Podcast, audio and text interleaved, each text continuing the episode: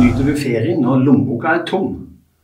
Hei, jeg er Gjerdknakken Rune fra gjerdknatt.com, og i dag skal jeg snakke om hva du kan finne på om sommeren når du ikke har penger til å reise bort på ferie. Enten du er alene eller har barn, er det jo fint å gjøre ting om sommeren selv om du ikke har penger. Hjemmeferie er greit nok, men hva kan man finne på? Mange føler et enormt press for å reise bort i ferien. Det er ikke lett å se alle bildene av venner og bekjente på tur i all verdens ferieparadise. Men en vellykka ferie avhenger ikke av pengebruken. Dersom lommeboka di er tom, kan du likevel gi deg sjøl og familien verdifulle opplevelser som de kommer til å huske i lang tid fremover.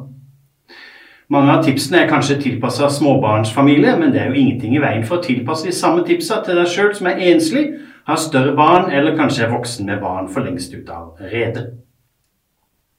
Telttur i hagen eller i nærmiljøet de fleste av oss har et telt stua borte i garasjen, på loftet eller i kjelleren. Eller kanskje du kan låne fra noen du kjenner som ikke skal bruke det i sommer. Det aller enkleste er å sette det opp i hagen, fylle det med underlag, tepper og puter og sovepose. Enten du sover der med ungene sjøl, eller de inviterer sine venner på overnatting, eller kanskje du sjøl bare bruker det til middagsluren om sommeren, så gir telt i seg sjøl en herlig sommerfølelse. Skulle det bli en varm sommer, kan du sjøl bruke teltet for å få en god natts søvn. Dersom du har elektronikkavhengige barn, kan du klare, kanskje klare å inngå et kompromiss for å unngå at de ligger der med iPaden eller mobilen i timevis. Unger er ikke som i gamle dager, du må være på tilbudssida for å holde dem aktive. Det være seg med lesestoff, brett eller kortspill. Husk at alt som er annerledes enn hverdagene, blir topp. Du har kanskje sjøl tid å tilby, så kan dere leke sammen. Alt er lov om sommeren. Avhengig av hvor du bor, er det kanskje heller ikke så vanskelig å ta teltturen bort fra hagen og ut i skauen, ved sjøen eller til fjellet. Så lenge dere ikke er til sjenanse for andre, kan dere overnatte et par døgn omtrent hvor som helst.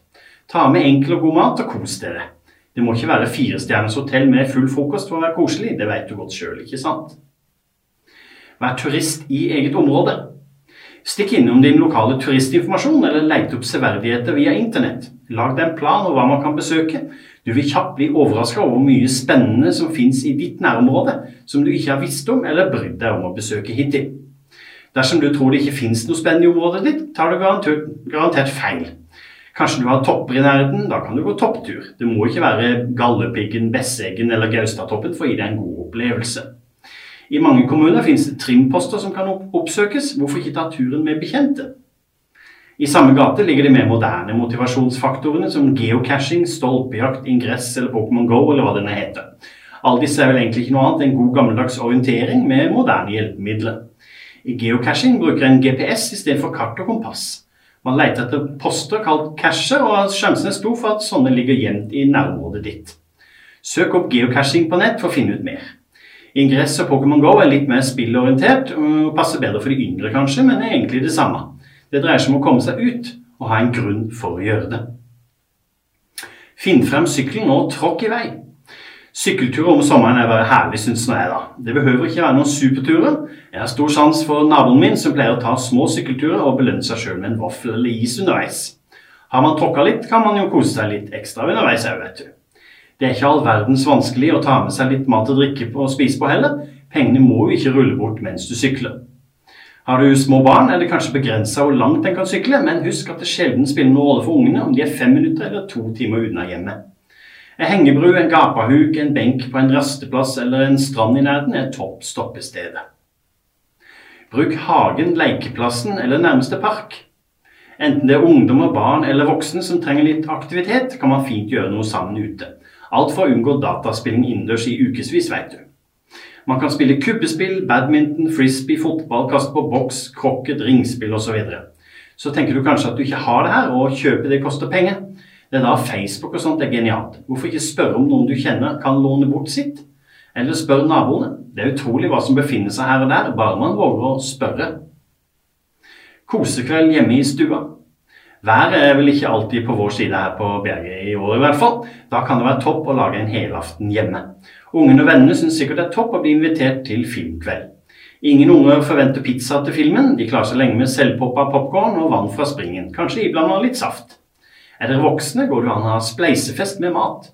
Hver tar med seg ingredienser eller rester fra kjøleskapet, så kan man diskutere seg fram til spennende middagsmat som man deler. Spill med åpne kort. Det er ingen vits i å love bort stjernekokk og tiretters middag dersom du ikke har råd til det, eller ser noe poeng i å imponere venner på feil måte. morsomme inneaktiviteter.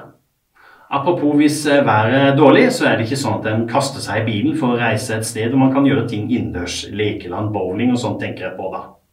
Se deg rundt i huset eller leiligheten, og bruk heller fantasien. Hva med å lage teater eller sirkus med ungene? Arrangere bakdag på kjøkkenet? Lage skattejakt? Kle, på seg regntøy og gjøre noe ute?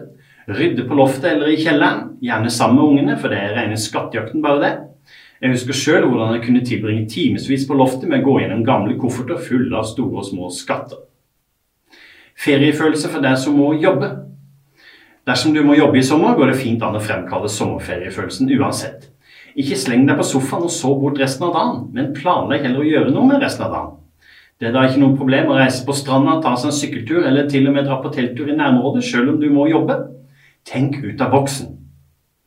Du skjønner vel greia etter hvert. Det hele dreier seg om å gjøre noe annet enn det man gjør til hverdags. Å komme seg ut i andre omgivelser.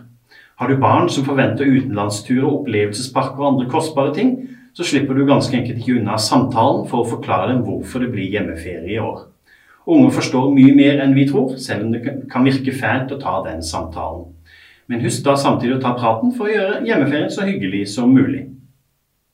Takk for meg. Dersom du likte dette innlegget, håper jeg du har lyst til å ta en titt på nettsida mi, jerriknatt.com, og ellers følg med på sosiale medier som YouTube, Facebook, Snapchat og Instagram.